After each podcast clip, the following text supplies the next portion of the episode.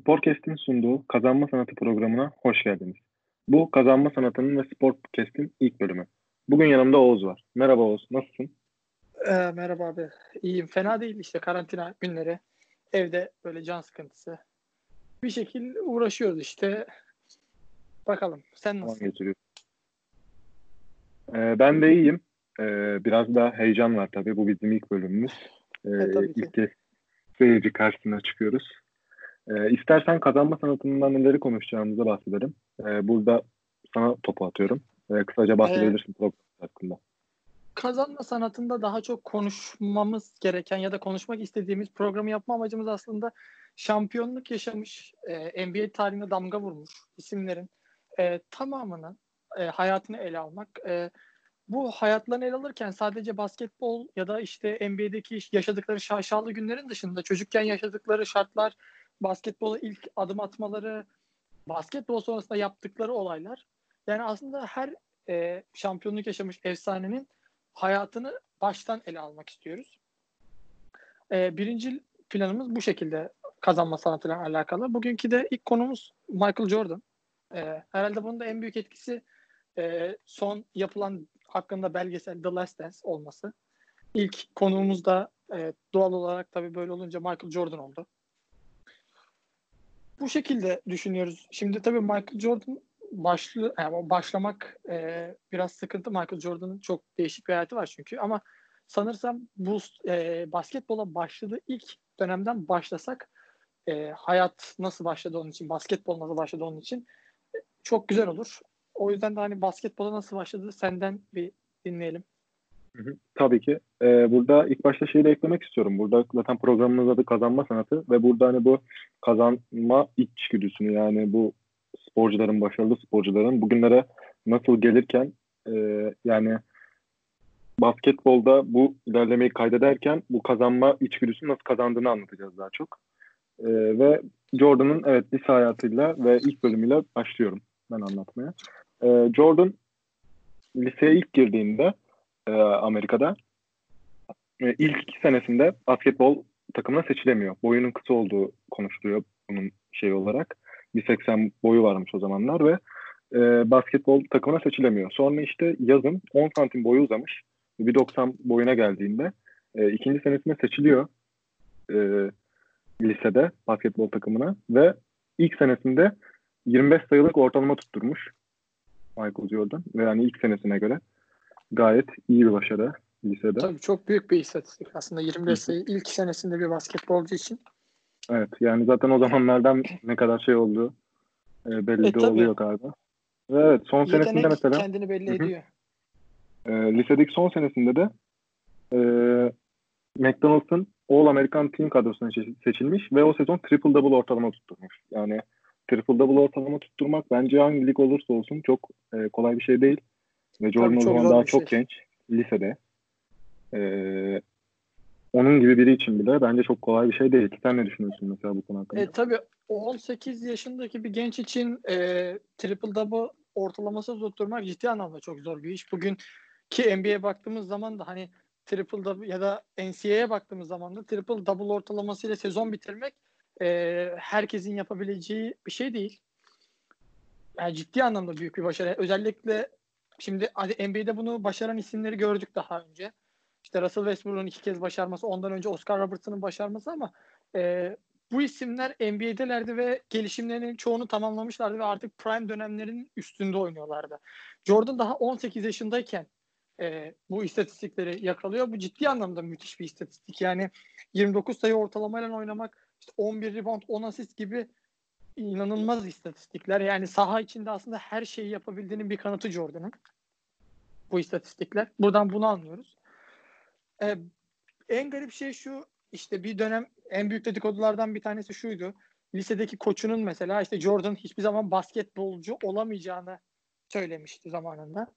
Ha, geçen nerede işte artık belgesel öncesinde yaptığı açıklamada pişman olduğunu ve yanlış düşündüğünü kabul etti. Büyük Ee, ihtimalle o zamanki basketbolun yapısından oldu. Daha sert ve çetin olduğu için Jordan tabii o zaman ve yani fizik olarak küçük ve kısa. Onun için herhalde öyle bir yorumda bulundu. Basketbolun E, tabii. geçen yüzyılında. Büyük ihtimalle. Yapma yani fiziken de geliştirmişler. E, tabii şu andaki basketbolla baktığımız zaman 90'lı yıllar, 80'li yıllar e, bu dönemde basketbolun daha sert, daha e, vücuda dayalı, biraz da legal olarak saha içinde bir dövüşün olduğunu gördüğümüz bir dönem. Tabii Jordan fiziğinde bir adamın yani işte 1.90 boyunda zayıf bir çocuğun e, o adamların arasında ezileceği çok bariz bir şekilde belliydi. E, tabii bu düşüncesiyle birlikte bunu yapmış olabilir ama işte programda neden e, Jordan'dan açtık ya da kazanma sanatının neden ilk konu bizim için Jordan'dı. E, biraz da bu açıdan aslında baktığımız zaman kimse onun basketbolcu yani basketbolcu olsa bile bu seviyede bir basketbolcu olacağını düşünmüyordu kimse. Kendi koçu dahil bu, bu insanların içine. Evet. Ama ona rağmen işte şampiyonluklar yaşadı. Belli noktaya geldi. Bugün işte NBA'de oy birliğiyle birlikte tarihin en iyi oyuncusu gösteriliyor. E, bu tabii kolay bir şey değil onun açısından. Evet. E, liseden sonra da işte bu başarılı özellikle son döneminden sonra e, Kuzey Carolina Üniversitesi Kültür Coğrafyası bölümünden burs kazanmış Michael Jordan ve e, yolu Kuzey Carolina Üniversitesi'ne gitmiş. E, ve takımdaki ilk senesinde yani çaylak sezonunda yıl e, Atlantik Konferansı'nda en iyi çaylak seçilmiş. Yani e, üniversitede de gelişimini sürdürmeye devam etmiş. Hani NCAA'de evet, öyle yani kadar kolay bir lig değil ama tabii Jordan yeteneğinde bir oyuncu da kendini orada göstermeyi başarmış ilk senesinde e, diyebilirim. Ve sonra ikinci senesinde üniversitedeki şampiyon olan Jordan ve Kuzey Carolina Üniversitesi e, finaldeki rakibi de Georgetown Hayes takımıydı. E, ve bu maçta Jordan'ın rakiplerinden biri de NBA'de de onun özellikle sonrasında çok büyük rakiplerinden biri olan Patrick Ewing'ti. E, ve bu şampiyonluğu da Jordan'ın e, maç kazandıran basketiyle kazandılar. Jordan hatta bu basketle ilgili şöyle bir şey der. E, bu e, yani bu şut hakkında şöyle der Michael Jordan. Kariyeri kariyerim için önemli bir dönüm noktasıdır. E, yani sen ne düşünüyorsun bu konu hakkında? Ya tabii bazen e, bir şut bir insanın kariyerini değiştirir, etki edebiliyor mu? Tabii ki etki edebilir. Jordan eğer, Evet şampiyonluk kazandıran bir şut. Yani maç kazandırmanın dışında şampiyonluk kazandıran bir şut. Ha şu var. E, Jordan o şutu atamasaydı Patrick Ewing in içinde bulunduğu takım Patrick Ewing'in takımı şampiyon olsaydı e, bu Jordan'ı etkiler miydi? Tabii bunu bilmek biraz zor bir şey ama belki Jordan, de Jordan daha güçlü e, yapardı. Sonuçta e, çok Jordan. Evet. Jordan çok hırslı ve kaybetmeye tahammülü olmayan bir adamdı ama e, şunu da düşünüyor insan tabii. Eğer ki şampiyon olmasaydı bir yıl daha kalıp NCAA'de ben bir, bu şampiyonluğu kazanıp öyle NBA'ye gideceğim düşüncesine girer miydi? E, çünkü Jordan şampiyonluk kazanmayı seven bir isim. Evet. E, ve çıktığı finalleri kaybetmeyi de sevmiyor. Zaten bunu kariyerinde 6'da 6 yapmasıyla görüyoruz. Kaybetme evet. alışkan yani kaybetmekten çok kazanma alışkanlığı olan bir isim Jordan. Bunu kariyeri boyunca gösterdi zaten. Hani e, çıktığı her maç ne olursa olsun hep kazanmak için oynadı. E, büyük ihtimalle Jordan daha hırslı bir karakter haline bürünürdü ama e, kaybetme tahammülü olmadığını daha kolejdeyken hatta lisedeyken bile görebiliyoruz. Yani kaybetmeye tahammülü olmayan bir hırslı bir kişiliği olduğunu Jordan'ın. Evet. E, o şampiyonluktan sonra aslında iki sene daha devam etmiş Jordan. E, ve 1984 yılında NBA draftına katılmış. Hakim Olajuwon ve Sam Bowie ardından Chicago Bulls tarafından 3. sırada seçilmiş e, Michael Jordan ve Bulls kariyeri de böylelikle başlamış olmuş. E, orada tabii çok konuşulan konular var. Tabii Hakim Olajuwon o zamanların üniversitede bile çok büyük yeteneği ve iyi oyuncusu olarak birinci sırada. E, tabii ki. E, Portland'ın orada ikinci sırada Sam Bowie'yi seçmesi tabii bazı hani şeyler var. Hani Portland işte büyük hatalarla zaten genelde konu alan işte bir takım. Evet. Orada da Jordan'ı seçmeyi Bowie'yi seçmiş ama işte orada da belli onların kendi en azından şeyini örtebilecek açıklamaları var. İşte hani uzun uzuna ihtiyacımız vardı falan gibi. Evet tabii ki. Ee, Draftların onlar da, zaten budur. Aynen. Onlar da bilemezdi Jordan'ın bu kadar. Belki de iyi olabilir. Tabii ki. E tabii bir de şöyle bir durum da var. E, sen yani o zaman o zamanki o dönemki Portland takımına da bakmak gerekiyor. Şimdi insanlar tabii e, Jordan'ın lige ilk geldiğinde e, işte 90'lı yıllardaki Jordan kap, e, mentalitesinde, Jordan mantığında, Jordan o 90'lı yıllardaki Jordan tecrübesinde olduğunu düşünüyorlar ama böyle bir şey kesinlikle yok. Yani 84 yılından 90 yılına kadar yani o 6-7 yıllık süreçte işte Jordan'ın ilk şampiyonuna kadar olan süreçte Jordan hem oyununa hem de mental olarak, fiziksel olarak kendine çok şey ekledi. Evet. E, olaya biraz da bu açıdan bakmak gerekiyor. Yani işte Jordan'ın kimse böyle olacağını tahmin etmezdi. Yani bunu NBA draftlarında örneklerini çok görüyoruz. Hiç beklenti olmayan oyuncuların çok büyük patladığını, çok beklentiyle lige gelen oyuncuların hiç iş yapamadığını daha önce gördük. Tabii Portland biraz mimlenmiş bir takım. Yani sadece Jordan'ı seçmeme değil işte 70'li yıllardaki draftta Larry Bird'ü seçmemeleri, sonrasında 2009, 2008, 2009 yılında draftında işte Greg Oden'ı seçip Kevin Durant'i seçmemeleri. E tabii mimlendiler birazcık da e, sürekli draft hataları yapıldığı için. Ama ben bu da draft hatası olarak görmüyorum açıkçası. Çünkü e, drafttaki tak yani draftta 30 takım 30 takım katılıyor ve her takım kendi ihtiyacına uygun bir isim arıyor orada. Portland'ın 84 yılında drafta girdiği kadroya baktığımız zaman 83 yılında Clay Drexler seçildi. Jordan'ın pozisyonunda oynuyordu ve çaylak ilk sezonuydu. İlk sezonun evet. sonuydu. Şimdi bu riski almak çok mantıklı bir şey değil. Elinizde bir çaylak varken bir iki numara oynayabilen, 2-3 numara oynayabilen bir çaylak varken ve belli bir potansiyel, belli bir noktaya gelebileceğini düşündüğünüz bir isim varken bir iki numara daha seçip oradaki rotasyonu daha da e, sıklaştırmanın bir anlamı yok. Süreleri kısaltmanın bir mantığı yok. O dönemki açıkları evet 5 numaraydı. E, o yüzden Sam Bowie seçimi yapıldı. E tabi bu sonrasında belki daha pahalıya patladı e, Portland'da. Çünkü ilerleyen yıllarda işte Jordan Chicago ile 6 şampiyonluk kazanırken Portland hiçbir zaman o noktalara gelemedi. Sam Bowie hiçbir zaman takımını o noktaya taşıyamadı ama tabi bunda e, Portland e, ekibine çok kızmanın bir anlamı yok. Çünkü daha öncesinde de bu tip hatalardan e, meydana geldiğini gördük. Çok fazla. Bütün takımların bu hataya düştüğünü gördük. Beklemediğiniz oyuncular beklemedik patlanmalar yapabiliyor. İşte Jimmy Butler'ın NBA draftında 30. sıradan seçilmesi, Kawhi Leonard'ın 15'ten, Kobe'nin 13'ten seçilmesi. Şimdi beklenmeyen oyuncular beklenmeyen patlamalar yapabilir ama Jordan aslında bir beklenti vardı. Yani bunu herkes biliyordu. Evet. Tabii Jordan biraz çıtayı arşa çıkarttı. O tabii ayrı bir konu. Bu kadar büyük bir beklenti var mıydı bilmiyorum en azından. Yani tarihin en iyisi olacak beklenti var mıydı? Çünkü önünde işte Magic Johnson, Larry Bird gibi şampiyonluk kazanmış efsaneler hala daha oynamaya devam ediyorlardı ve prime evet. dönemlerini geçiriyorlardı o dönemlerde. Onların içinde olduğu bir ortama düştü Jordan. Ama sonrasında kendini kanıtladı bir şekilde. Evet. Ve sonuçta Bulls'ta da özellikle şimdi ilk yıllarını anlatman için sana sözü vereceğim ama benim aklımda hani o zamanki dönemlere o dönemler hakkında okuduğum bilgiler ve dizide de izlediğimiz gibi Jordan özellikle ilk senelerinde ilk üç şampiyonluğa kadar genelde bireysel olarak çok büyük performans veren inanılmaz bir skorer olup sadece hani e, o başarıya gidememişti. İşte inanılmaz bir Boston takımı. İşte Larry Bird, Kevin McHale'lı. Ve o, hani e, önüne sürekli işte Detroit Pistons örneği oradaki Isaiah Thomas'ın ve diğer oyuncuların olduğu Bad Boys lakaplı. Ve hani buraya giderken yani zorlandı ama hep bireysel olarak da iyi istatistikler koydu. Zaten ilk senesinde de yılın çaylağı ödülünü aldı. Aynen öyle. Ee, evet e, sana ilk yıllarına ve aslında Bulls dönemiyle ilgili birkaç bilgi vermek için sana anlatayım. E, vereyim sözü. E, Bulls yılları aslında Jordan için kötü de başlamıyor. E, gayet de iyi başlıyor aslında ilk yıllarında. E, Nike'la sponsorluk anlaşması imzalıyor daha ilk yılında. E, zaten şöyle ki yani Hakim Olajuwon belli bir seviyedeydi ve rakibinin aslında hakim yani çaylak anlamında rakibinin hakim Olajuwon olduğunu insanlar zaten sezonun ortasına doğru anlamaya başladı. Yani Sam Bowie'nin Jordan ve Hakim Olajuwon'un rakibi olamayacağını insanlar anlamıştı zaten. Ee, ikisi arasında dönen bir e, çaylak yarışı olacağı çok belliydi 84 sezonunda. Ki nitekim de öyle oldu.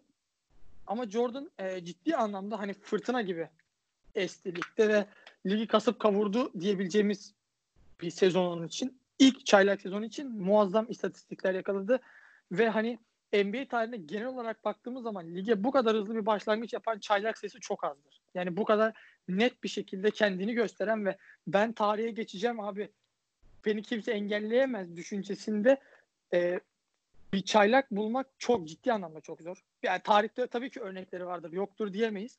Ama çok az bunların sayıları.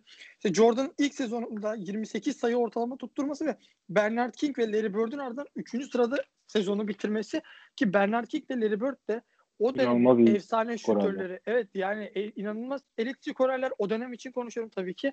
Çok rahat skor bulabilen, ayak oyunları yapabilen ve potaya rahat dribbling edebilen isimler ki Larry Bird'ün zaten e, bildiğimiz en büyük özelliklerinden bir tanesi aslında üç, üçlük tehdidi. Yani Bernard King'in de aynı şekilde, Larry Bird'ün aynı şekilde inanılmaz bir şekilde üçlük tehditleri vardır. E, çok rahat skor bu isimler. Ama ona rağmen bunların bu gibi isimlerin arkasına bir çaylak olarak gelip üçüncü sıraya yerleşmek bence ciddi anlamda muazzam bir başarı. Ama tabii olay sadece sayıda bitmiyor aslında. Yani 6.5 rebound, 6 asist ortalamasıyla oynaması da aslında takıma savunmada da hücumda da sayı atmanın dışında her anlamda yardım et, yardım ettiğinin takıma bir parçası olduğunu kanıtlaması için bir şeydi zaten. Ki zaten bu istatistikler onun yılın çaylağı ödülünü kazandırdı. Ee, tabii e, biraz playoff kalabilmiş oldular ama yani o dönem tabii 84 yılında playoff yaptılar ama e, tabii Milwaukee'ye e, maalesef süpürüldüler ilk yıllarında. E bu da çok normal bir şey tabii baktığımız zaman. E, çaylak bir Jordan ki o dönemki Houston kadrosuna şey özür dilerim Chicago Bulls kadrosuna baktığımız zaman da çok iyi bir kadroların olmadığını zaten görüyoruz. Biraz da e, şunun da farkındayız aslında. E, önceki yıllardaki Chicago ile işte Jordan'ın geldiği Chicago'yu karşılaştırdığımız zaman Jordan'ın takıma ne kadar büyük etki ettiğinin e, takımı belki de playoff'lara sokan isimlerden bir tanesi olduğunu daha çaylakken görebiliyoruz. Ya bu da aslında ciddi anlamda bir e, yetenek işi. Yani tek başına bir çaylak olarak bir takımı draftlara sokabilecek seviyede oynamak. E tabi e, iş playoff'lara geldiği zaman sezon gibi olmuyor. Olaylar biraz daha sertleşiyor, biraz daha çirkefleşebiliyor. E, 4-0 süpürülmeleri çok normal. Çünkü evet e, Jordan çok büyük bir oyuncu ama o dönemler için e, daha o Jordan daha e, Goat olgunlaşmamış. Jordan evet olgunlaşmamış. E, daha çocuk Genç, bir Jordan. Çaylak. Çok çok bir çaylak yani. Hani e, çaylaklar genelde aslında takımlarda çok sevilmezler. Daha çok ayak işleriyle uğraştırılırlar ama Jordan ayak işiyle uğraşacak çaylağın kendisi olmadığını zaten takıma ispatlıyor. Ve takım da buna saygı duyuyor. Bence en önemli şeylerden bir tanesi bu. Yani takım e, Jordan'daki takımın bütün oyuncuları, bütün parçaları Jordan'da o potansiyelin olduğunu görüyor. Ve Jordan'ın Chicago'nun hanedanlığını devam ettirebilecek isim olduğunu kabul ediyor. Bu çok önemli bir şey aslında Chicago için. Eğer çünkü takımdaki oyuncular bunu kabul etmese de belki de Jordan takımla uyum sağlayamadığı için ayrılmak isteyip başka bir takıma gidebilirdi. Evet. Yani zor yıllar geçiyor tabii ilk yıllarında ama e, Jordan her sezon üstüne koyarak ilerliyor. Her sezon daha iyisini yapmaya başlıyor. Ya mesela ee, o zaten şöyle ön plana çıkıyor. Ee, sürekli işte zaten bizde de gördüğümüz üzere hani o zamanki dönemlerden gelen görüntülerle hani sürekli bir reklamda oynuyor. işte televizyonun yıldızı oluyor. Çocukların, gençlerin böyle hani bir daha genç yaşlarda aslında e, böyle hani yıldız olma şeyini yani gösteriyor yani yıldız olabileceğini ve bunu kaldırabileceğini göstere, gösteriyor bütün halka, dünyaya hatta. Evet, devam e, edelim. Yani yıldızlığa geçtiği zamanlarda işte Nike'la olan sözleşmesini biliyoruz. Birçok insan biliyordur ama bilmeyenler için tekrar hatırlatalım. Ee, Nike ile imzaladığı sözleşmede Jordan'a ait bir ayakkabı üretiliyor. Air Jordan 1 diye. O dönemde NBA'de e, Converse sponsor olduğu için e, herhangi bir şekilde başka bir marka ayakkabı, kendine ait bir ayakkabı giymen yasak. Yani lig buna izin vermiyor reklama girdiği için. Çünkü ligin bir sponsoru var o da Converse. E, bu şartlar olduğu için tabii ki e, doğal olarak e, Nike gibi, Adidas gibi ya da herhangi bir spor e, ayakkabı üreten firma ayakkabısını giymeniz çok mümkün değil. E, o dönemki NBA komisyonu işte Jordan'a maç başına para kes, cezası kesiyor. İşte başka bir ayakkabı giydiği için Converse dışında ama Jordan bundan da vazgeçmiyor. Yani Air Jordan sevdasından kendi ayakkabısından vazgeçmiyor ve Nike Nike'ın bu durum çok hoşuna gidiyor ve bütün cezaları Nike kendi cebinden ödüyor NBA'ye. Ve ilerleyen yıllarda zaten Air Jordan markasının artık ne seviyede dünya çapına geldiğini çok net bir şekilde görüyoruz. Aslında Sadece Air Jordan değil, direkt Jordan inanılmaz bir marka evet, oluyor. Jordan artık evet Jordan artık marka haline geldi. Artık yani sanki Nike'dan bağımsız bir markaymış haline geldi. Hani evet. işte insanlar eskiden işte spor mağazası sayarken Nike, Adidas, Puma, Reebok sayarken artık bir de Jordan ekliyoruz buna. Çünkü Jordan artık başlı başına bir marka. Bugün ligde baktığımız zaman birçok oyuncu Jordan ile anlaşmalı. Birçok oyuncu Jordan'ın ayakkabısını giyiyor. Bugün süperstar olarak nitelendirdiğimiz isimler. Evet. Yani bu aslında Jordan o dönem ne kadar e, dik ya bugün bu şartlarda olması aslında Jordan markasının Jordan'ın işte 80 son 80 ortalama 85 86 yıllarında e, dik duruşundan kaynaklı. Yani ayakkabısına Nike olan bağlılığıyla alakalı bir şey. E, sonrasında tabii e, 85'te All Star seçiliyor aynı zamanda. İkinci yılında daha. Bu da ciddi anlamda bir başarıdır. O dönemki çünkü oynayan isimlere baktığımız zaman çok ciddi isimler var e, ligde. Onların arasında bir e, işte çaylak sezonu daha yani çaylak kontratı devam eden daha ligdeki ikinci senesinde bir çocuk çıkıp geliyor. O All Star'a katılıyor. E, 22 dakika civarı süre aldı yazıyor ve çok fazla tabii şey yapmıyor. E, sayı bulamıyor. 7 sayı bulabiliyor sadece. Çünkü o dönemki All-Star maçlarına baktığımız zaman tabii şimdiki gibi orta sahadan üçlük atmalar, işte orta sahadan alüpa kaldırmalar, gülmeler, eğlenmelerin dışında daha çok yumruk yumruğa kavga etme, yaka paça birbirine girme gibi bir durumun olduğunu görüyoruz.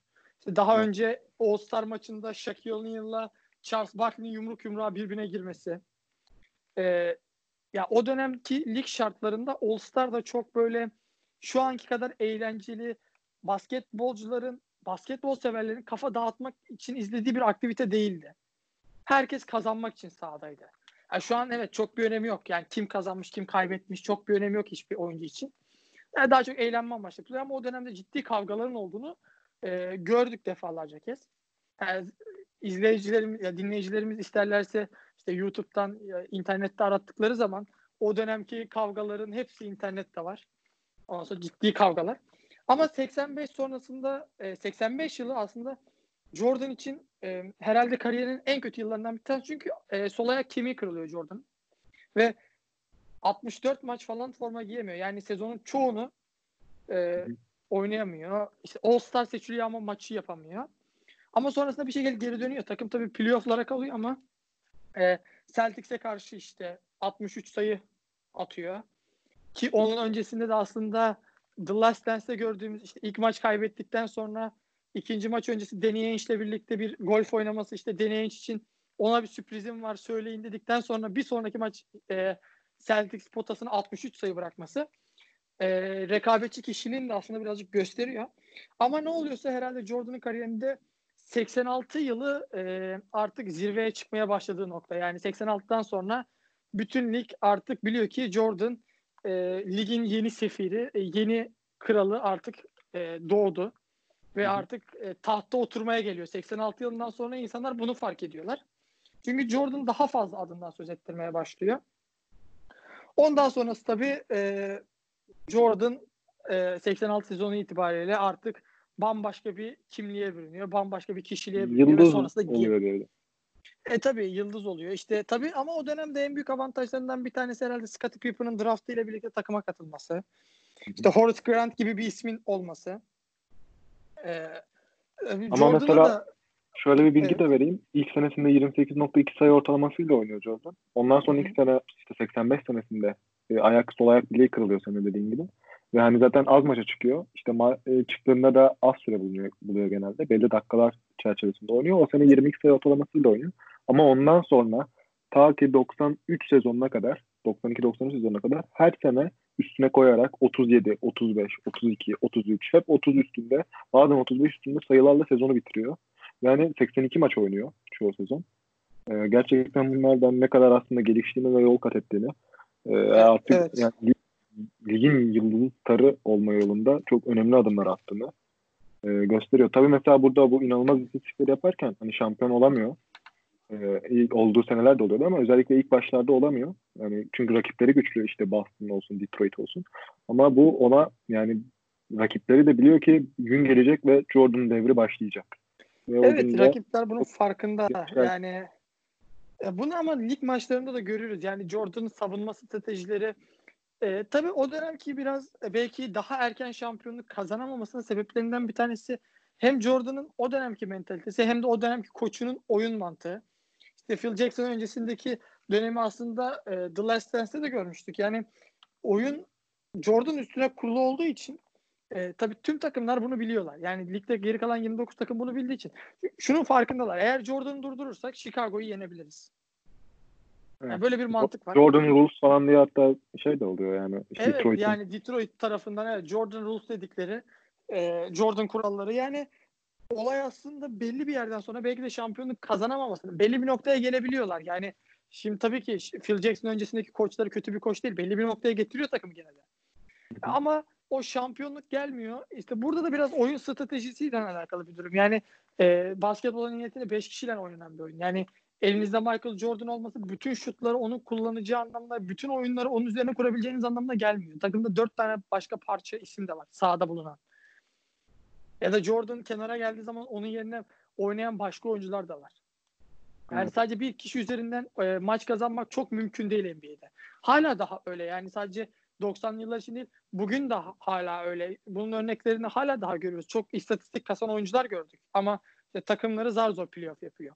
Yani olay sadece istatistiklerden ya da bir kişinin bütün şutları kullanmasından ibaret değil. Sonrasında zaten herhalde Phil Jackson'ın gelişi artık Jordan'ın e, evet, Phil Jackson geliyor. Takım e, artık daha iyi bir Jordan'a ayak uyduran bir takım haline geliyor. Ve Phil Jackson e, özellikle o üçgen hücumuyla birlikte Jordan da buna alışma sürecine giriyor. Ve sonrasındaki de başarılı yıllar var zaten. Evet sonrasında zaten bir tripit geliyor. 3 yıllık bir şampiyonluk serüveni geliyor. Ee, tabii Phil Jackson üçgen hücum ısrarı tabii e, bazen Chicago'nun başını belaya sokabiliyor sezon içinde de olsa, playofflarda da olsa. Ama doğru bir strateji. En azından o dönemler için doğru bir strateji. Phil Jackson çünkü işte Chicago'dan ayrıldıktan sonra Lakers'ta da bunları yaptı ve orada da 5 şampiyonluk kazandı. Bu kolay bir şey değil.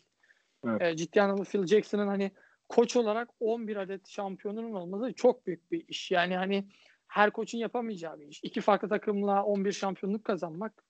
E, ama sonrasında baktığımız zaman işte yeni döneme geldiğimiz zaman basketbol değiştikçe e, Phil Jackson'ın artık o başarılarının e, gittiğini ve daha çok artık öncelikle işte önce playoff'lara aşağılardan girmek, sonrasında playoff dışı kalmak, sonra sonunculuğa doğru bir serüven aslında kariyeri de düşüşe geçiyor basketbolun e, değişmesiyle birlikte. Phil Jackson herhalde kariyerindeki dönüm noktalarından bir tanesi bu bas modern basketbolun değişimiyle birlikte Phil Jackson'ın hücumunu ve savunma anlayışını yani taktiksel anlayışını değiştirmemesi. Yani bunu işte son dönemde çalıştı yani GM'liğini yaptığı New York'ta gördük. İşte üçgen hücum ısrarı sonucu işte takımın sonunculuğa kadar düşmesi. Tabii şimdi kadro kalitesi de çok kötüydü. Ee, şimdi o konuda hakkını yemeyelim işte. 35 yaşında bir Carmelo Anthony ile oynamaya çalışıyorlardı. Başka kimse yoktu kadroda. Ama gene de e, ısrarları evet 90'lı yıllarda bu ısrarları 90'lar ve 2000'lerde bu ısrarları muazzam bir sonuç verdi. 11 şampiyonluktan bahsediyoruz burada. Ama sonrası sanki çok olmadı gibi. Ama konumuz hani Michael Jordan olduğu için e, Phil Jackson'dan çok e, şu ilk şampiyonluğu istiyorsan sen anlat bize. E, ilk şampiyonlukları tabii yine sezon içinde hani şampiyon olacaklar mı olmayacaklar mı tartışmalarıyla geçiyor. Ama e, yani aslında herkes yani o sene e, Chicago Bulls'un ve Michael Jordan'ın oynadığı oyunu zaten görüp yani bu sene onların senesi olabileceğini düşünüyorlar. Özellikle e, final serisinde zaten iki senedir final e, şey final serisi derken Doğu finalinde iki senedir kaybettikleri Detroit Pistons'ı bu sefer 4-0 gibi hani ezici bir skorla ve hani oyun olarak da ezici bir galibiyet oyun olarak da ezici galibiyetlerle 4-0 süpürüp finale gidiyor. Finalde de e, Magic Johnson'la e, NBA'nin en iyi takımlarından biri olarak kabul edilen Los Angeles Lakers var. Ama onları da zorlanmadan geçiyorlar ve ilk şampiyonluğunu böylece kazanıyor Michael Jordan. Ve sonrasında zaten ikinci ve üçüncü şampiyonluklarda e, devamında geliyor. Bunlar e, tabii yani böyle anlatınca kolaymış gibi geliyor iki şampiyonluk, üç şampiyonluk. E, tabii Ama ki. o zamana kadar ne iki yani iki sene üst üste olan şampiyon takımlar var. Üç sene de var. Ama yani Jordan bunu yani yapınca zaten e, dizide de bunu anlatıyor. Magic iki kez şampiyon olmuştu diyor. Larry Bird olmuştu ama onların ikisi de üç kez üstü şampiyon olmamıştı diyor. Ve her sene aslında kendi bir hırs buluyor. İşte ben ilk şampiyon olacağım diyor. Onlarla aynı şekilde adım geçebilmesi için. İkinci sene yine şampiyonluk kazanmak için kendine yine bir motive buluyor. Hani e, ligin artık starı benim ve üçüncü senede e, Magic'ten ve Larry Bird'den daha iyi olduğunu göstermeyi kanıtlıyor kendini. E, tabii ee, tarihin en iyisi benime çıkıyor olay. Evet yani 3 sene üst üste olursam hani onların ikisi de olamadı. Ben olursam bu çok benim için büyük bir e, gösterge olur, şov olur gibi düşünüyor yani. Kendini motive ediyor aslında şov derken. e tabii Jordan'ın böyle bir huyunun olduğunu biliyoruz. Kendini e, hırslandırmasının işte özellikle 3. Detroit serisinin öncesinde dizide de izlediğimiz gibi işte kas kütlesi edilmesi. Çünkü Detroit savunmasının kendi üstüne oynayacağını, sert fauller yapacağını bildiği için fiziki olarak kendisini geliştirmesinin farkında ve sezon biter bitmez. Yani finallerde elenir elenmez hemen çalışmalara başlıyor bu konuda. Yani ne kadar hırslandığı zaten ee, burada belli. Evet. Ee, Bulls'ta 3 tane şampiyonluk geçiriyor ve gerçekten inanılmaz yani. yani Michael Jordan da artık böyle hani e, hem atletizm hem skorerlik anlamında hem de böyle takım yardımlaşması da mesela ilk yıllarında da inanılmaz bir skorer ama hani böyle daha kendi çabasıyla oynayan ama sonrasında özellikle takımın kalitesinin de artması Scottie Pippen'ın ve işte Horace Grant'in olmasıyla e, ve Phil Jackson'ın üçgen hücumuyla artık Jordan'ın hani hani her şeyi ben yapmalıyımdan öte hani arkadaşını boş bulun arkadaşını atma mentalitesini kendine idrak edildikten sonra inanılmaz başarılar elde ediyorlar. E, istersen o üç şampiyonluktan sonra çok e, enteresan bir şey de var Michael Jordan'ın. E, evet bir emekliliği. Evet ya onu istersen çok er, erken bir Hoca. emek emekliliği var. Çok erken bir emekliliği var. Üç şampiyonluk tabii kolay gelen bir şampiyonluk değil. Ee, zor bir üç yıl onlar için. Ee, kolay bir üç yıl değil. Ee, çünkü yüz küsür maç oynuyorsunuz her sezon. E tabii bu takımı mentalite olarak da fiziksel olarak da çok yoran bir şey. Bunu 3 sezon üst üste yapmak ciddi anlamda e, zor bir şey ama işte o Chicago Bulls takımı Scottie Pippen'la Rod, e, Rodman demişim. Scottie Pippen'la Horace Grant'la Jordan'la o takım e, muazzam işler başarıyorlar ve Jordan'ın artık şeyden çıkması takımdaki tek isim ben değilim. Tabii bu kafadan aslında zor çıktığını da biraz dizide görüyoruz. Hani e, topu çok vermek istemediğini başlarda işte topun kendisine alınacağını düşünmesi tabii biraz onu e, moralini bozan şeylerden bir tanesi ama sonra bakıyor ki kazanabiliyor. Ve önemli olan şeyin kendi istatistiklerinden çok kazanmak olduğunu fark ediyor. İşte bunu Paxson'a e, attığı paslarla da dizide görmüştük. İşte Paxson'a maç kazandırıcı şutu bile Paxson'a bırakıyor. Ondan sonra. Tabii 3 yıl şampiyonluğun sonunda herkesin düşüncesi 4. yılda da sonraki yıllarda da Jordan'ın hiçbir şekilde şampiyonluğu bırakmayacağı, hep şampiyon olacağı düşünülüyor. 4-5-6 şampiyonluk diye seri şekilde devam edeceği düşünüyor ama e, tabii zor bir dönem geçiriyor Jordan o dönemde. İşte babasının öldürülmesi. Bugün daha hala bir soru işaretidir aslında babasının öldürülmesi. Kimin tarafından öldürüldüğü hala daha bulunamadı. E, kim e, 18 aylık bir süreç geçirdi. E, basketboldan emekli olduğunu açıkladı. Tabii o dönem çok yoğun bir e, magazinsel haber haline dönüştü Jordan. Tabii Jordan gibi bir efsanenin çok genç yaşta babasının ölümüyle birlikte basketbolu bırakması 3 şampiyonluk sonrası ki insanlar sonra devamının o şampiyonlukların devamının geleceğini de biliyorlardı. Ona rağmen bıraktı. Ee, tabii bu çok doğal bir karar olarak karşılanabilir. Yani e, babasının işte arabasında öldürülmesi nasıl öldürüldü e, silahla öldürüldüğü biliniyor ama işte kim tarafından öldürüldü e, sonrasında ne olduğu hakkında dair hiç öncesinde ne olduğuna dair hiçbir fikir yok kimsenin aklında. Jordan bu konu hakkında çok konuşmayı istemiyor. E, beyzbola e, başlıyor. Profesyonel olarak beyzbol oynamaya başlıyor. Beyzbol oynamasının en büyük sebeplerinden bir tanesi de Jordan'ın babasının en büyük hayali. Jordan'ın bir NBA süperstarı değil de e, bir beyzbol profesyonel bir beyzbol starı olmasını, beyzbol oyuncusu olmasını istemesinden kaynaklı. E, bir tık sanki vicdan rahatlatma e, aşaması gibi bir şey onun için bu 18 aylık süreç. 18 ay beyzbol oynuyor ama e, sonrasında tabii yapamıyor. İşte çok başarılı olamıyor beyzbolda. Ee, sonra 18 aylık bir süreç sonunda tekrardan Chicago Bulls'a geri dönme kararı alıyor. Ki bundan alakalı da aslında e, ben Phil Jackson'ın kitabında okuduğum bir kısmı alıntılamak istiyorum. Phil Jackson, Jerry Krause'la birlikte e, toplantı yapıyor. Çünkü Jordan artık ayrılmış ve takım istenileni yapamıyor. İşte o şampiyonluğa bir türlü ulaşamıyor. Ve aslında Phil Jackson ve Jerry Krause'un aklındaki şey takımı dağıtmak. Yani takımı dağıtmayı düşünüyorlar. Takaslarla işte daha iyi draft seçimleri toplayıp daha böyle ortada bir takım olup işte draftlardan iyi bir şeyler almak istiyorlar. Bir anda işte kapıdan takım elbiseli bir adam giriyor. Bir bakıyorlar Jordan işte elinde çanta masaya oturuyor ve şey diyor 23 numaralı formanız hala boş mu diyor. E tabi şimdi Jerry Krause ve evet. e, Phil Jackson da çok şaşırıyorlar bu duruma. Çünkü böyle bir bekle böyle bir şey beklemiyorlar.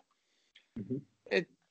E, sezonun ortası olduğu için e, 23 numaralı formada başkası kullanmıyor ama e, emekli edilme durumu söz konusu olduğu için e, sezonun geri kalanında 23 numaralı formayı giyemiyor. Hmm. O dönemde, o geri kalan süreçte.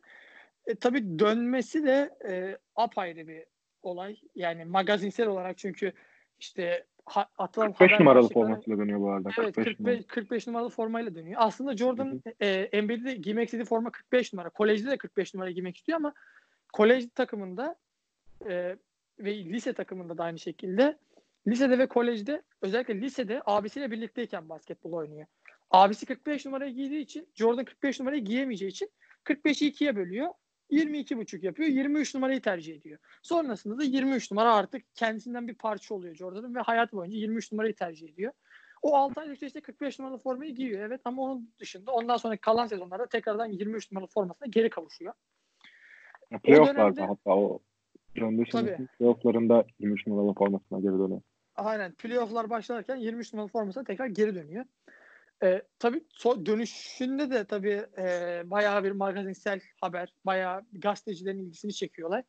İşte atılan haber başlıkları işte geri döndü, tarihin en iyisi geri döndü, işte şampiyonluğu tekrar kazanmak için tekrar geri döndü gibi e, Jordan'ı öven ve yücelten başlıklar bütün haber sitelerinde başlık olarak atılıyor. E, şu şöyle bir durum var aslında. Jordan e, bıraktıktan ve geri döndükten sonra Phil Jackson'ın kitabında yazdığı şey şuydu. Şunu diyor. Jordan diyor antrenmanları diyor takımdan diyor iki saat önce yapardı diyor. Çünkü magazinsel olarak çok büyük bir baskıda, yoğunlukta olduğu için buna uğraşmak istemediği için biraz da yani bu işte gazetecilerin sorularına cevap vermek bir yerden sonra çok sıkıcı bir hale gelebilir. Çünkü hani Jordan seviyesinde bir oyuncu işte bıraktı geri geldi. Herkesin aklında bir sürü soru var. Herkes bir şeylerin cevabını arıyor belki. Konuşmak istememesi bu konu hakkında çok doğal bir tercih. O yüzden de antrenmanları normal takımdan iki saat önce yapıyor. İşte takım antrenmana başlamadan iki saat önce o kendi tek başına antrenmanını yapıyor. Antrenörlerle birlikte takım gelmeden, basın gelmeden de evine geri dönüyor. O dönemde işte o dönemin çaylağı, işte Jordan döndüğü zamanki çaylağın işte adını şu an hatırlamıyorum. Ee, bayağı gündeme gelmiş olması da tabii işin ilginç tarafı. Çünkü e, çaylak ama birazcık e, laf ebesi olduğu için işte Jordan yok ben sizden ilgileneyim gibi basınla konuşması sürekli olarak. İşte Jordan'ın yeni şeyi benim, öğrencisi benim, benle konuşabilirsiniz tipi açıklamalar yapması. Hatta bu bu belki planlanmış bir şey olabilir. İşte basının ilgisini Jordan'dan başka birinin üzerine çekmesini istemiş olabilirler. Ama Hı. sonrasındaki 3 yıl e, gene oynadığı dönemde gene e, kaldığı yerden devam etti diyebiliriz yani. Zaten e, geliyor ilk senesinde yani ilk senesi derken yarım dönemde katılıyor zaten. Playoff'a gidiyorlar. Playoff'ta da e, New York Knicks'i eliyorlar hatırladığım kadarıyla. ilk turda. Ama ikinci turda e, Shaquille O'Neal'la Orlando Magic'e e, kaybedip 6 maçlık serinin sonunda e, ikinci turda veda ediyor playoff'larda. E, ama ondan sonra zaten ikinci yani ikinci üçleme diyebileceğimiz ilk üçlemeyi bitirdik. İkinci üçlemeye başlayabiliriz. İkinci üçlemede de Dennis Rodman'ı e, getiriyorlar bu sefer. E, üçüncü bir oyuncu olarak hem savaşçı hem şey hem de e, garip tarafı da işin aslında e, Detroit eşleşmelerinden de çok sevmedikleri yani Detroit sevmediği bir takım Jordan özellikle. Evet. E, Pippen de aynı şekilde ve oradan bir rakibine Dennis Rodman'ı getiriyorlar. E, ama tabii Dennis Rodman'ın iyi anlaştıklarını görüyoruz zaten. Seviyorlar da birbirlerini. E, sen ne düşünüyorsun? İkinci şampiyonluk hakkında da detaylı bilgiler verebilirsin istersen. Ya Rodman e, çok farklı bir karakter. Rodman ciddi anlamda hani belgeselde de bunu gördük zaten. Hani Rodman için bambaşka ayrı bir belgesel çekilebilir. Hani Evet. kişilik olarak, karakter olarak e, Magazinsel hayatı. magazinsel olarak ha- magazinsel hayatı çok farklı bir kişilik. İşte dizide de, şey belgeselde de gördüğümüz gibi ojeli tırnaklar, işte dudakta, burunda, kulaklarda her yerde piercingler, küpeler falan. Çok farklı bir karakter, çok farklı bir kişilik. Ee, ama herhalde Pippen'ın şey e, özür dilerim. Rodman'ın hayatı boyunca en yaptığı doğru iş şuydu. Özel hayatı ve basketbolu birbirinden ayrı tutmayı çok iyi bilen bir isimdi. Yani Evet. sahaya çıktığı zaman bambaşka bir Rodman, saha dışında bambaşka bir Rodman vardı ve bu iki hayatının birbirine karışmasına asla izin vermedi. Bence bu nokta gelmesi Rodman'ın işte o dönem ligin en iyi savunmacısı olması, ligin en iyi pota altı oyuncularından bir tanesi olması en büyük sebebi de belki de buydu. Şu var her takım işte bir Rodman evet Jerry Krause tarafından çok istenmiyor. Ama takımın başarısı için Jerry Krause Rodman'ı onaylıyor. Ama da dile getiriyor. Evet Phil Jackson onaylıyor ama Rod, e, Jerry Krause'un Rodman'ı çok istemediğini yani sorumsuzlukları işte yaptığı türlü davranışlardan dolayı takımın dengesini bozacağını, işte takımdaki huzursuz huzur ortamı bozulacağını düşündüğü için çok istemiyor ama Phil Jackson onu düz, düzeltebileceğini, adam edebileceğini düşündüğü için takım O başarısı takımın- Phil- Eksik Hı hı. parçasını aslında tamamlayabileceğini düşünüyor Phil Jackson. Hem o Evet. mücadeleci ruhu hem reboundlardaki üstünlüğü. O hani o bad boys kültüründen gelmesiyle belki de Evet tabii ki. o tarz Ya bir şey şöyle, istiyor. her takımın e, ben şuna inanırım basketbolda her takımın saha içindeki pis işlerini yapacak bir oyuncuya ihtiyacı vardır. Evet. E, Chicago Bulls'un en büyük eksiklerinden bir tanesi saha içindeki o pis işi yapacak oyuncuları. Hı. Yani bunu e, ilk üçlemedeki o Detroit Detroit serilerinde de gördük. İşte ilk şampiyonluğu kazandıkları Detroit maçında da önceki kaybettikleri iki seride de bunu gördük. Yani Isaiah Thomas'lı, Dennis Rodman'lı mükemmel bir Detroit Pistons Bad Boys var karşınızda ve saha içinde pislik yapabilen bir takım bunlar. Ve legal olarak sizi saha içinde dövebiliyorlar. Kurallar dahilinde. Şimdi Chicago takımına baktığımız zaman bu tip bir oyuncuları yok ki şa- ilk şampiyonluk kazandıkları yılda da işte Dennis Rodman'ın Scottie Pippen'ı çok feci bir şekilde pota altından itip neredeyse tribünlere fırlatması Hı hı. e, yani bu pisliği kavgayı çıkartacak adama ihtiyacı var. Her takımın vardır muhakkak. Yani çünkü bazen maç e, sizin oyunun stilinize göre oynanmaz. Her maç işte kendi oyununuzu oynayamazsınız sahada. Bazen rakibin oyununa ayak uydurmak zorunda kalırsınız. Chicago Bulls'un Detroit Pistons'a elenmesinin en büyük sebeplerinden bir tanesi bu. Chicago ilk iki seride yani kaybettikleri iki seride de e, Detroit'in oyununu oynamak yerine kendi oyununu oynamaya çalıştı. Ama Detroit gibi yani saha içinde pis işlerini yapabilecek adamları varsa, kavga çıkartabilecek, kavga etmekten kaçınmayan adamları varsa kendi oyununuzu oynamanız çok mümkün kalmıyor, kılınmıyor size. Onların oyununu oynamak zorundasınız. Ve ilk iki yılda e, bunu yapmadıklarını ama üçüncü yılda işte Jordan'ın Pippen'a dönüp de sana vuruyorlarsa sen de dön onlara vur demesi artık e, kendi oyun stilleri değil de Detroit'in istediği oyun stillerini oynayacaklarını gösteriyor ve zaten 4-0'lık bir süpürme var ortada. Evet. Ve işte Yani- o dönem Isaiah Thomas'ın şey demesi e, üçüncü maç için- şey üçüncü seri için Pippen'ın da işte Rodman'a dönüp e, dövmeye çalışması. Yani bu tabii dövmekten bahsetmem yumruk atmak, tekme atmak anlamında değil. Legal olarak sert fauller yapıp bıktırmak anlamında yaptığını gördüğümüzde bizim oyun stilimizi benimsediklerini ve kaybettiğimizi anladığımız bir anlatıyor. Evet. Şimdi Rodman ciddi anlamda ekstra bir kişilik ve e, Chicago Bulls'un o sahadaki pisliğini, pislik işlerini, kavgayı çıkartabilecek ve kavgadan çekinmeyen bir adam olduğunu zaten görüyoruz. Ya, Bu çok net bir şekilde gösteriyor Rodman. Kariyeri boyunca böyleydi Rodman. E şimdi Evet, tabii ve- en çok ko- ko- konuşulan en büyük şeylerden bir tanesi de şuydu işte. Detroit'ten önce işte Detroit'ten sonra aslında Chicago Bulls ikinci durağı değil Rodman'ın. Onu da söyleyelim. Rodman'ın orada bir sezonluk bir San Antonio Spurs macerası var. Evet. Onu da belirtelim. Hani direktman Detroit'ten gelmedi şeye, Chicago'ya. Zaten e, öyle bir takas olacağını ben çok düşünmüyorum. Yani iki takımın arası o kadar bozukken ki bırak iki takımın arasını iki eyaletin arası bu kadar bozukken ya böyle bir takasın olması çok mümkün değil. Evet Rodman'ın e, bazen işte hep işte bizi dinleyen NBA severler de muhakkak NBA 2K oynamışlardır. E, bu tip e, güçlü ve işte süperstar seviyesindeki isimleri takastan almak çok zordur. Çok mümkün değildir. Ama işte Jerry Krause o dönem Dennis Rodman'ı alıyor. Ki yani oyunda yapamadığımız bir şey adamı gerçekte yapıyor Jerry Krause. E tabii bunun en büyük sebebi gene Rodman'ın sorumsuzluğu. Kendi piyasa Yani- değerini düşürüyor aslında. Çünkü e, biraz da San, San kariyeri düşüş aşamasında zaten. Kariyeri düşüş Evet kariyer olduğu düşüş için. aşamasında e, çok kolay bir şekilde elinden alabiliyor şeyin. Ama ondan Evet. sonra e, ilk sezonunda işte Rodman'ın geldiği ilk sezon zaten işte 44 ilk 44 maçta 41 galibiyet alıyorlar ve normal sezonda 72 galibiyetle kapatıp sadece 10 mağlubiyet alıp rekor kırıyorlar. Ki bu Evet. rekor 2015 yılında kırıldı tekrardan. Golden Evet. State tarafından. Yani işte 30 yıllık bir süreçten bahsediyoruz. Yani 20 yıl, 30 yıl. Yani 30 İnan- yıl sonra bir ancak bir başarı. rekor kırılabiliyor. Tabii inanılmaz bir başarı. Yani kırılamayacak bir rekor. 30 yıl sonra kırılan bir rekor ki o Golden State kadrosunu da biliyoruz yani. Aynen tanıklık ettik canlı o döneme. Ha, canlı tanıklık O ettik. döneme. Yani o Golden State kadrosu bambaşka bir seviyedeydi. Kadro ve oyun anlamında da gerçekten inanılmaz. Evet yani. E tabii modern basketbolu neredeyse doğuran bir takımdı. Yani oyunun değişmesini doğuran bir takımdı aslında Golden State bu dönemde. oyun yani tamamen NBA'in mantalitesini oyunu değiştirdi adamlar. Oynadıkları oyunla birlikte. Yani İkinci ilk senesinde e, o hı hı. ikinci üçlemenin ilk senesinde Seattle Spurs'tan ikisi geçip şampiyon oluyorlar. E, ve evet. o zaman iyi bir kadro gayet. E, yani şampiyon oluyor yine Jordan o senesinde ve normal sezon playoff ve All-Star MVP ödüllerini kazanıyor Michael Jordan ve bunu başaran ikinci oyuncu oluyor. İlk, o, ilkinde Vince, Vince Reed. Aynen. E, ve Jordan ondan sonra zaten e, herkesin bildiği çok iyi eşleşmeler olan son iki şampiyonluktaki Utah Jazz eşleşmeleri.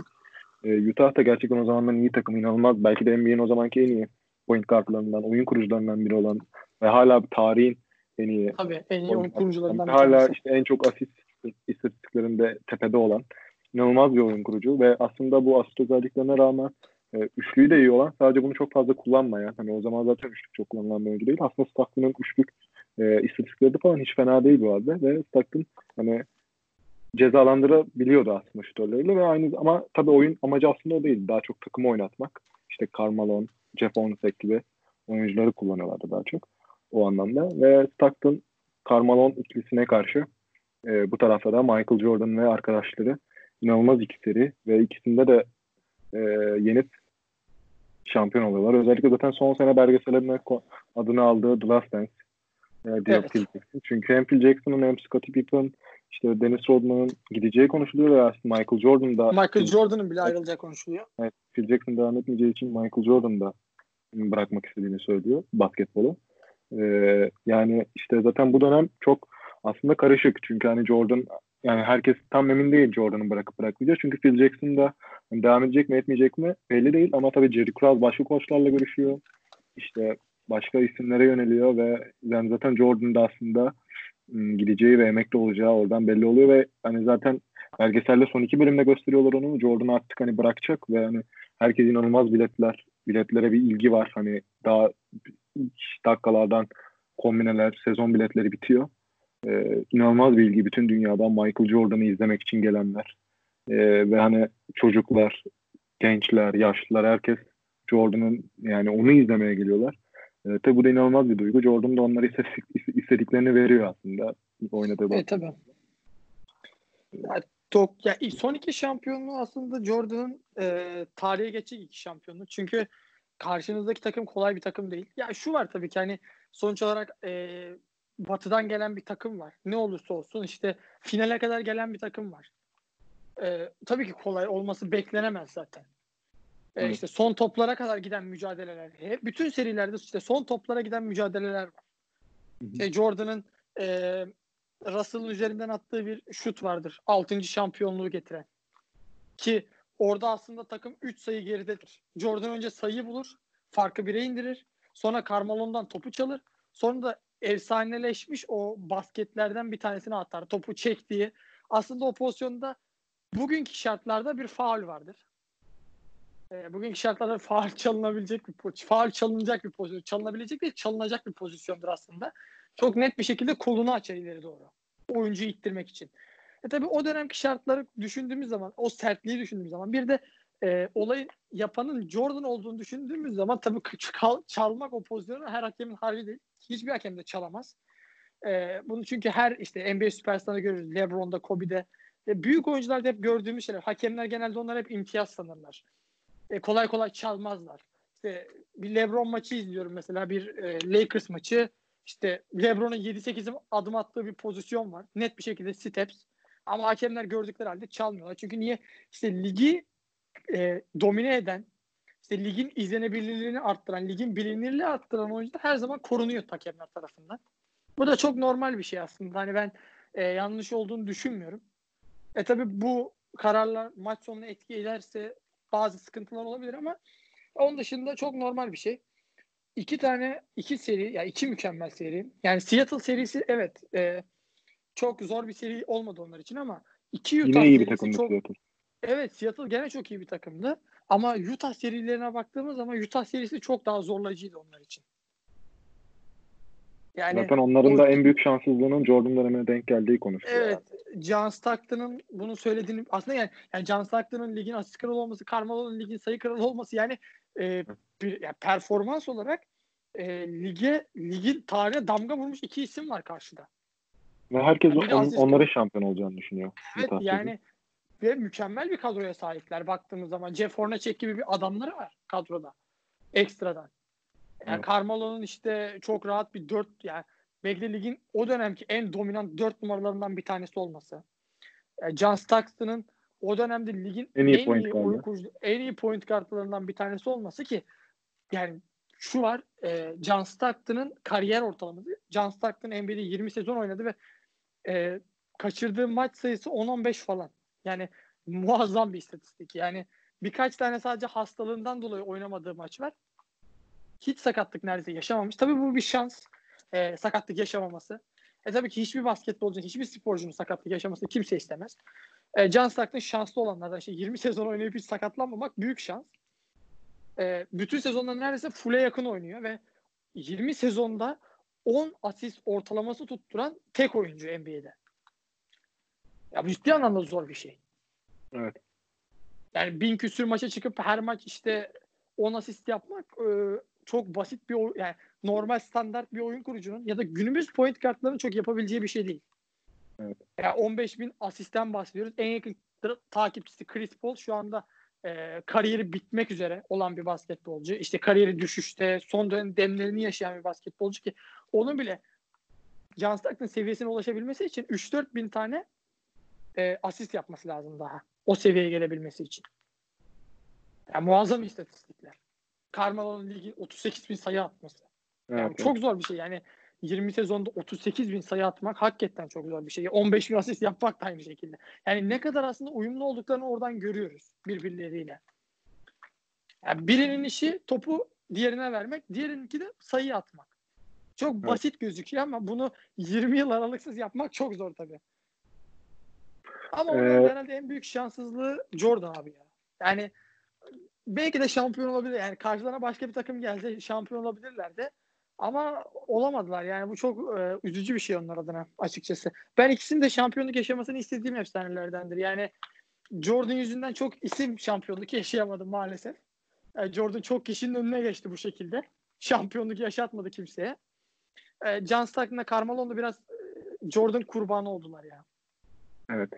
Ee, yani işte zaten bu iki şampiyonluktan sonra Phil Jackson'ın bırakması, işte Scottie Pippen'ın takaslanması ve üstüne de zaten Michael Jordan emekli olduğunu açıklıyor e, basketbolda. 99 yılında. Aynen. Ve hani işte zaten NBA'de de lockout zamanı aslında 99 yılı.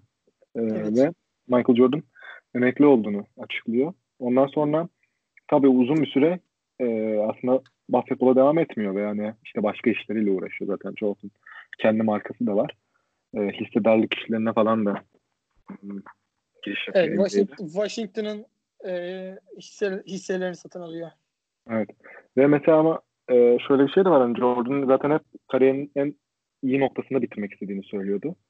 Basketbolu. Hani böyle beni sahadan hatta belgeselde de şey diyor onu. Yani beni sahadan sedyeli almanıza veya yani zorla almanıza gerek yok. Yani ben kendim çıkarım diyor yani hani. Çünkü evet şey çok hırslı, çok şey ama hani böyle kötü durumda bırakmak istemiyor basketbolu. En iyi durumda Evet tabii. ve zaten Phil Jackson'ın da bırakışıyla o da artık başka koç için çalışmam diyor zaten ve e, bırakıyor. E, basketbol emekliliği oluyor ama ondan sonra Washington Wizards dönemi var. E, Washington Evet Wizards, çok garip bir dönem aslında. evet. Washington Wizards dönemi var ve o dönemde işte m, bu 11 Eylül saldırılarına falan hitaben hani şey giriyor ve hani maaşını hepsini onlara bağışlıyor. O sene kazandığı. İki sene oynuyor bildiğim kadarıyla Washington Wizards'ta ve Evet, iki sene. playoff'a kalamıyor. Playoff'a kalamıyor Jordan o iki senede de. Ee, yani o dönem hakkında ne düşünüyorsun? Çok iyi bir dönem değil. Zaten Michael Jordan da m, böyle hani bazı açıklam yani Michael Jordan'ın kendisi açıkladığını tam emin değilim ama e, başka kaynaklardan okumuştuğum kadarıyla zaten aslında kariyerinin en büyük pişmanlığının Chicago Evet, Bulls'ta bu kadar başarılar geçi, e, geçirirken e, ya başka bir takım oynamasının hata olduğunu söylüyor. Pişman Evet olduğunu. onu pişman olduğunu yani e, şu açıdan bir pişmanlığı olduğunu kabul etti Jordan. Chicago dışında başka bir takımın formasını giymenin kendisi için bir pişmanlık olduğunu dile getirdi birkaç kez. E tabi insanlar onu Chicago formasıyla görmeye alıştılar. Tabi iki sezonluk bir Washington e, serüveni vardı. E, garip bir serüvendi onun için. Yani çok başarılı olduğu söylenemez. E, belki bazı olaylara tepki çekmek amaçlıydı bu atılan imza. Bazı kişilere ya da verilen bir mesajdı. E, bu hani işte Jerry Krause'a ya da işte e, Chicago Bulls takım sahibine verilen şey mesajı olabilirdi. Yani ben hala oynayabilecek yaştayım. İstersem hala oynardım. Siz bizi dağıttınız mesajı da olabilir.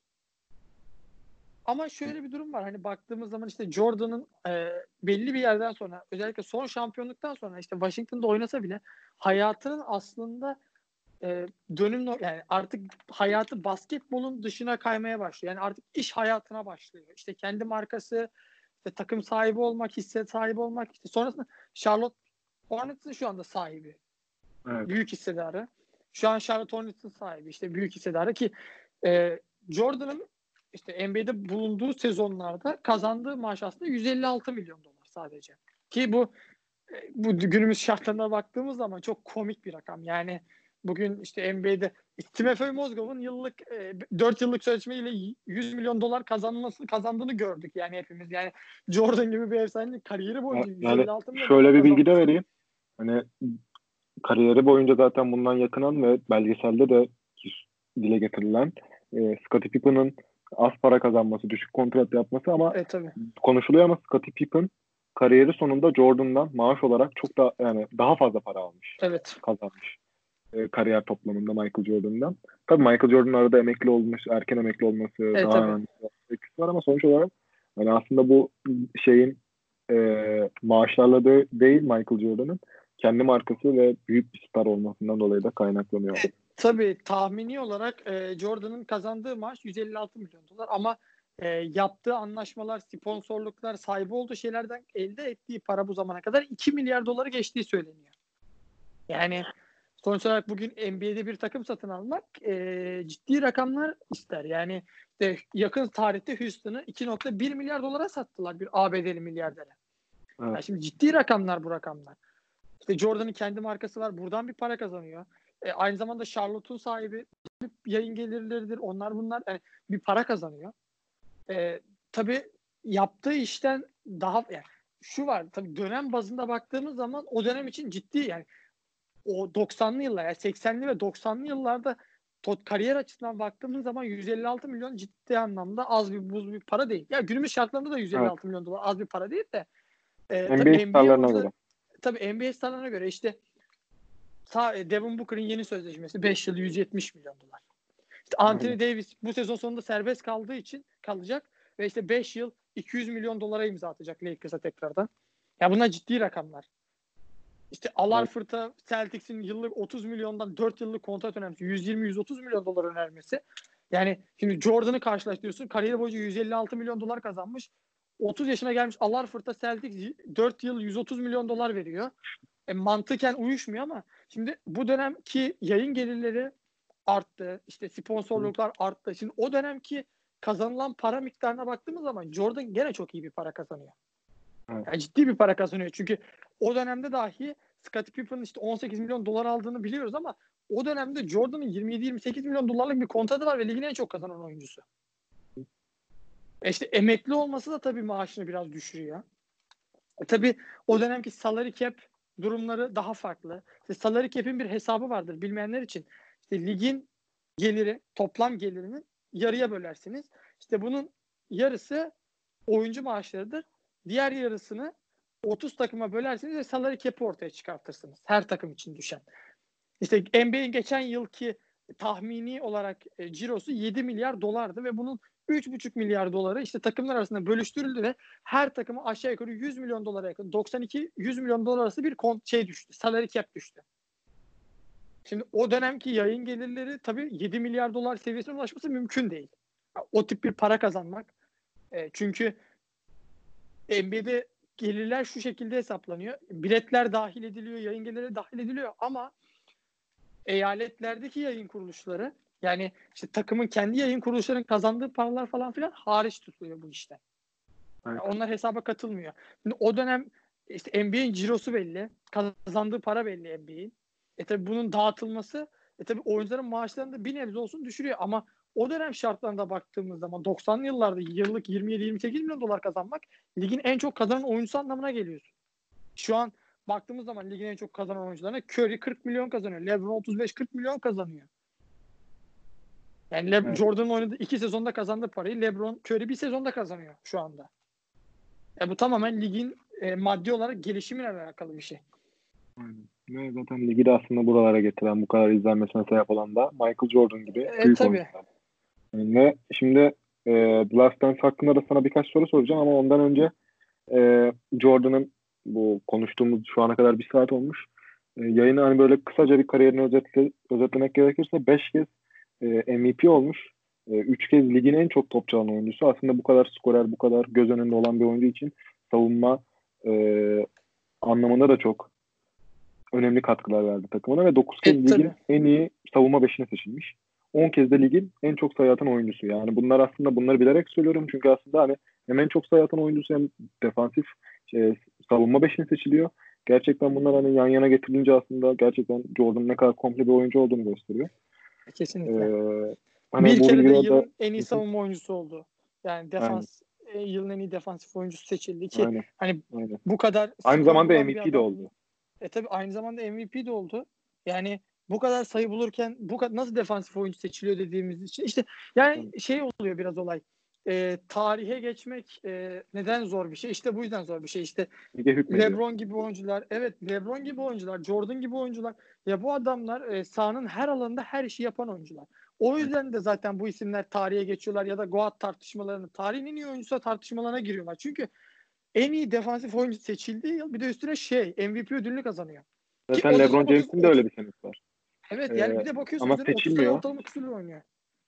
Ee, yani hem ligin en iyi savunmacısına aday hem MVP'liğe aday Miami'deki ikinci senesinde galiba Ee, veya üçüncü.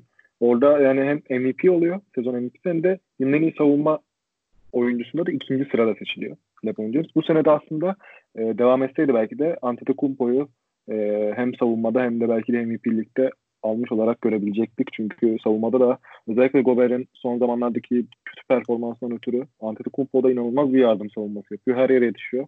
Milwaukee'deki Evet. boşlukları inanılmaz dolduruyordu bu sene. Ve inanılmaz zaten hücum şu an NBA'de durdurulması en güç oyuncu. Hani Kevin Durant sağlıklı kalsa tabii ki de Kevin Durant'i durdurmak imkansız. LeBron hala inanılmaz bir oyuncu ama tabii yaşlandı. Ama şu anda Antetokounmpo yani ikisinden de bir tık yukarıda inanılmaz böyle patlayıcı gücüyle böyle hani sağa solu yıkarak potaya gitmesiyle ayrıyetten inanılmaz Evet. bir savunma kollarının uzunluğuyla Antetokounmpo da bu sene o ödülü kazanabilirdi. Şimdi Blasters hakkında da zaten aslında e, sohbet esnasında bayağı bir şey bulunduk. E, ben hani diziyi izledin sen de biliyorum. E, Hı hı. ve hani gayet de aslında severek izliyoruz Blasters'ı. E, son iki bölümü kaldı onu da bekliyoruz yani. Bu hafta gelecek. E, inanılmaz yani ben gayet etkilenerek izliyorum. Evet, çok başarılı Öyle hani bir yapım. Giriş jeneriği olsun. Hani böyle hani bir anda böyle güzel bir müzikle Tarihler son arasında geçmesi. Evet evet şeyi çok beğeniyorum özellikle. Dizi böyle bitince yani o şeyi bölüm biterken böyle sonda inanılmaz bir müzik geliyor. Hani böyle o Evet. kadar hareketli bitmese de sonu o müzikle birlikte direkt ikinci bölüme geçesin geliyor. Yani bilmiyorum özellikle böyle hani e, bir anda oturup izleyince böyle hani diyorum ki mesela bir bölüm izleyeyim. Hani yemek yerken veya işte otururken zaman geçireyim bir bölüm ama o bölüm öyle bir bitiyor ki o müzikle falan direkt ikinci bölümü açıyorum. Evet, direkt kesinlikle öyle oluyor ya. Bunun için şey e, yani ben beğendim. Sana da sorayım diziyi nasıl buldun? Yani beklentilerini verebildim mi özellikle? Hani şimdi çok büyük bir beklentiyle geldi bu dizi. E, sen Ben- ne düşün? Ee, ben diziyi açıkçası ciddi anlamda beğendim ya. Hı hı. Yani çok güzel bir yapım olmuş. İşte özellikle işte doks, e, şunu biliyoruz dizi hakkında, ya belgesel hakkında şunu biliyoruz. Daha Jordan basketbol oynarken özel izinlerle o da yani gelecek için bir belgesel hazırlanacağı biliniyordu. Çünkü çekimleri o dönemde başlamıştı. Evet, Evet. planlanan tarih evet bu dönem değildi ama işte yaşadığımız olaylar, dünya çapında yaşanan bu salgın olayı herkes eve hapsettiği için, bütün dünyayı eve hapsettiği için erken yayınlanma kararı alındı. Çünkü çünkü Netflix'in şeyi yoktur. Ee, Netflix'te şey mantığı çok yoktur. Bir bölüm yayınlayayım, haftaya iki bölüm yayınlayayım gibi bir mantık yoktur. Bir sezon tamamı tek aynı anda yayınlanır ve biter. Yani sonra parça parça ekleme gibi bir mantık yoktur. Ama Netflix de bu konuda yardımcı oldu ki zaten e, Netflix herhalde en çok izlenme açısından baktığımız zaman zirveye oturdu. Hani ESPN'de de raporlarında da bunu gördük. Milyarlarca insan izledi belgeseli. Dünya Yani çapında. Zaten biz aslında ESPN tarafından şey yapıyor ama Netflix de yayıncılardan biri. Evet Netflix yayıncılardan. biri. Ve hani e, dizide mesela e, zaten genel olarak beğeniliyor bazı eleştirilen konular var. Hani özellikle Jerry Krause'a bazı atıflar bulunmuş ama yani hani adamın da aslında cevap verme hakkı çok fazla yok. E, Yok ölü olduğu için ama çok fazla ya, artık cevap hakkı doğmuyor. E, biraz da suçu ona yıkmışlar işte kulüp sahibi ol- olmak üzere. Tabii Ama- bu iş hep böyledir ama yani olay mantığı budur. Yani bir günah keçisi lazımdır. E, Jerry Evet. Krause şu an kendini savunamayacağı için e, takımın sahibi doğal olarak günah keçisi olarak Jerry Krause yapıyor. Yani belki baktığın zaman bile ya ben Jerry Krause evet e, belli başlı noktalarda hataları olabilir tabii ki. Bu hataların bedelini zaten e, gerektiği zaman işte itibar düşüşüyle kendisine olan güvenle birlikte kaybıyla birlikte ödemiştir. Hala Ama- da ödüyor adam. Hala hala daha ödüyor. Evet, belgeselle yani konu oluyor. daha sorgulanıyor. Evet ya belgesel konu ve e, biraz gereğinden ben fazla suçlandığını düşünüyorum açıkçası. Evet hataları var. Tabii ki var. Evet. Evet biraz çarpıtılıyor. Yani şöyle e, neden 6. şampiyonluktan sonra takım devam edebilecek haldeyken devam etmedi? E, neden işte herkesi dağıtma, herkesi gönderme, Jordan'ı kaybetme pahasına e, kendi mantığındaki, kendi doğrularını yapmaya kalktı. E tabii bir merak konusu. Tabii bunu ondan dinleyemiyoruz maalesef. Ama şu var. Açıkçası benim düşüncem neden 6. şampiyonluktan sonra devam etmedi? Ben Jerry Krause'un e, şampiyonluk hırsını kaybettiğini düşünüyorum açıkçası 6 şampiyonluk yaşadıktan sonra. Ve bence tek Yani yani art- kendi başına da yani bir daha yeni bir takım kurup yine şampiyon olabileceğini Tony Kukoc etrafında ve yani yeni oyuncularla Evet. birlikte bunu başarabileceğini düşündü. Ve bunu yapıp kanıtlayıp aslında başarının Michael Jordan, Phil Jackson'ın değil bu bir kurumun bir ım, işte hani bir örg- örgütün yani bir Chicago Bulls'un bunu yaptığını E, tabii çalıştı. hanedanlığın başarısı olduğunu düşünüyordu. Orada çarpıtılan şeylerden bir tanesi aslında kendi söyledi. İşte şampiyonlu oyuncular kazanmaz, takım kazanır açıklamasının yanlış olduğunu, öyle bir şey söylemediğini. Dediği şeyin şampiyonluğu Organizasyonlar. oyuncular oyuncular tek başına kazanmazlar. Organizasyonlar da yardım eder onlara tipinde bir açıklaması olduğunu zaten söyledi. Yani aslında olay birazcık çarpıtılmış durumda ki e, bunu çok e, görüyoruz basın tarafından hani illaki birçok haber çarpıtılıyor. Yanlış anlaşılmalar ya da ortalık kızıştırmak için, magazinsel haber yaratmak için işte haberlerin bunu yaptığını daha önce gördük. Yani hala yapılıyor daha bu dünya çapında. İşte sonrasında kendi doğrusunu açıklamıştı. Şu var, e, Jerry Krause'u evet insanlar eleştiriyor işte herkesi da takımı dağıtmakla suçlular ama e, bir de olaya şöyle bakmak lazım. Bu takımı kuran isim oydu zaten. Aynen Yani. Phil Jackson'ın kimse ismini bilmezken Phil Jackson'ı bu takıma getirdi. Takımın koçu yaptı. Ki kendi koçları da çok başarısız bir koç değildi. Konferans yarı finaline falan gidiyorlardı yani. Hani başarısız bir koça sahip değillerdi. Ama Evet. ona rağmen üçgen hücuma ve Phil Jackson'a güvendi ki Phil Jackson'ın önceki hani NBA'de evet iki, yani oyuncu olarak iki şampiyonluğu e, ve şey olarak koç olarak 11 şampiyonluk 13 şampiyonluğu olan bir isim. Öncesinde çalıştığı ülkeler belli. Yani öncesinde çalıştığı takımlar da belli. Çok küçük ülkelerin, çok küçük takımlarını çalıştırmış. Yani bir NBA takımı çalıştırabilecek e, tecrübeye sahip değil. Porto Rico'da mıydı? güveniyor. Evet Porto. Rico'da falan çalışıyor. Evet yani Yani. düşünsene yani oradan bir adam bulup getiriyorsun. Çok eski bir NBA oyuncusu. 70'lerde oynamış bir NBA oyuncusu. Ve tutuyorsun başarılı olduğunu düşündüğün bir koçu kovuyorsun ve yerine onu getiriyorsun. Hiçbir tecrübesi Aslında yardımcı koçken sonrasında Evet. oluyor ama evet Yani önemli bir şey. Bu- İkinci bu soruyu da aslında sormak. Ha, evet sen tabii devam et pardon. Ee, ya şöyle e, ne olursa olsun evet eleştiriliyor. Ya hataları muhakkak vardır. Yani bugün dahi bundan sonraki GM'ler için de şu anki GM'lerde de Jerry Krause dönemindeki GM'ler her GM hata yapar. Hala daha Aynen. yapıyorlar. E, draft seçimlerin birçoğunu GM'ler koçlarla birlikte karar verir. E, hatalı çok seçim gördük. Yani defalarca kez hatalı seçim yapıldı. Yani e, bunu söylemek istemezdim ama yani Cleveland'ın birinci sıradan Anthony Bennett seçtiği bir draft var. NBA'de. Evet. Yani şimdi bu GM hatası değil, değil de nedir? Ya da bir staff hatası değil de nedir? Yani bunda e, takım sahibi o bu değil. Tamam bu hatalar yapılıyor. E, ama şu var ne olursa olsun Jerry Krause bu takıma 6 şampiyonluk kazandırdı. Herkes evet hanedanlık ne olacak hanedanlık ne olacak diye düşünüyordu ama e, ben benim bildiğim kadarıyla en azından Chicago Bulls Jerry Krause'un GM'liği bittikten sonra bir daha şampiyonluk yaşayamadı. Ya zaten aslında bilmiyorum ben de emin değilim ama 6 şampiyonluk olan bir genel menajer de yok. Yok. olmaması Bir tek Evet. kendisi. Ve ikinci sorumuza geçelim. Ee, bu, bu soruyla da aslında programımızı bitireceğiz yavaş yavaş. Ee, bu soruda sorayım sana. Diziyi izledikten sonra o döneme canlı tanıklık etmek ister miydin? Yoksa yani dizi derken belgeseli şu anki basketbol döneminden memnun musun? Abi şöyle tanıklık 45 ettiğinde. 40, 45 yaşlarında olsak da böyle iki sene de tanıklık etmiş olsak güzel olur ama hangisine tanıklık etmiş ya illaki bir tane seçelim yapacaksak e, o döneme şah- tanıklık etmeyi daha çok isterdim ya. Yani evet modern basketbol güzel ama ben daha çok böyle ya basketboldaki o sert oyunu daha çok seven bir insanım. Yani şimdiki NBA'ye baktığımız zaman işte sezon içinde genelde çok daha rahat savunmaların, relax savunmaların olduğunu görüyoruz. Çünkü daha sezon başlarken e, bana deseler ki doğudan yani sana da deseler kime sorarsan sor. Doğudan 8 tane takım söyle playoff'a çıkacak. 8 tane takım söylerim 6-7 tanesi banko olur. Batı'dan da aynı şekilde 6 tane takımı banko sayarsın. Ama işte 90'lı yıllara baktığımız zaman kimin playoff yapacak, kimin ne noktaya geleceğini tahmin edemiyorsun, kestiremiyorsun. Çok sert bir oyun var. E, tabii bu oyuncular sakatlık riskini çok arttırıyor. Bu da takımların kaderlerini değiştiriyor aslında. İşte Jordan'ın ayağının kırılması gibi bir dönem, dönem yaşıyor Chicago. Evet işte takımı Scottie Pippen tek başına biraz sırtlıyor ama e, en ufak bir hatada playoff dışında da kalabilirlerdi. Yani Evet. tabii oyun oyun oyun bilmiyorum basketbol e, kurallar içerisinde sert oynandığı zaman bilmiyorum benim gözüme daha güzel gözüküyor. Bir de tabii Jordan'a tanıklık etmek e, onun o şampiyonlukları kazandığını görmek bilmiyorum. Herhalde benim için daha güzel olurdu. Yani benim için de aslında yani ben bu dönemden böyle daha memnunum gibi. Çünkü sonuçta küçükken aslında okuyordum bu Jordan dönemlerinde. İşte veya televizyonda işte küçük görüntülere, işte bazı maçlarına denk geliyordum eski maçlarına. Ee, o zaman hani o zaman bile izlerken hani daha küçük küçüktüm ama yani o ışığını alıyordum ben Michael Jordan'dan. Ee, ve hani ama hani bu dönemde de işte Kobe Bryant'a tanıklık ettik. Hani böyle en başından beri şey tam olarak edemesek de özellikle son yıllarını çok hakimiz. İşte inanılmaz bir Golden State'i gördük. İşte e, LeBron James'in kariyerini en başından en sonuna kadar birlikte yaşadık.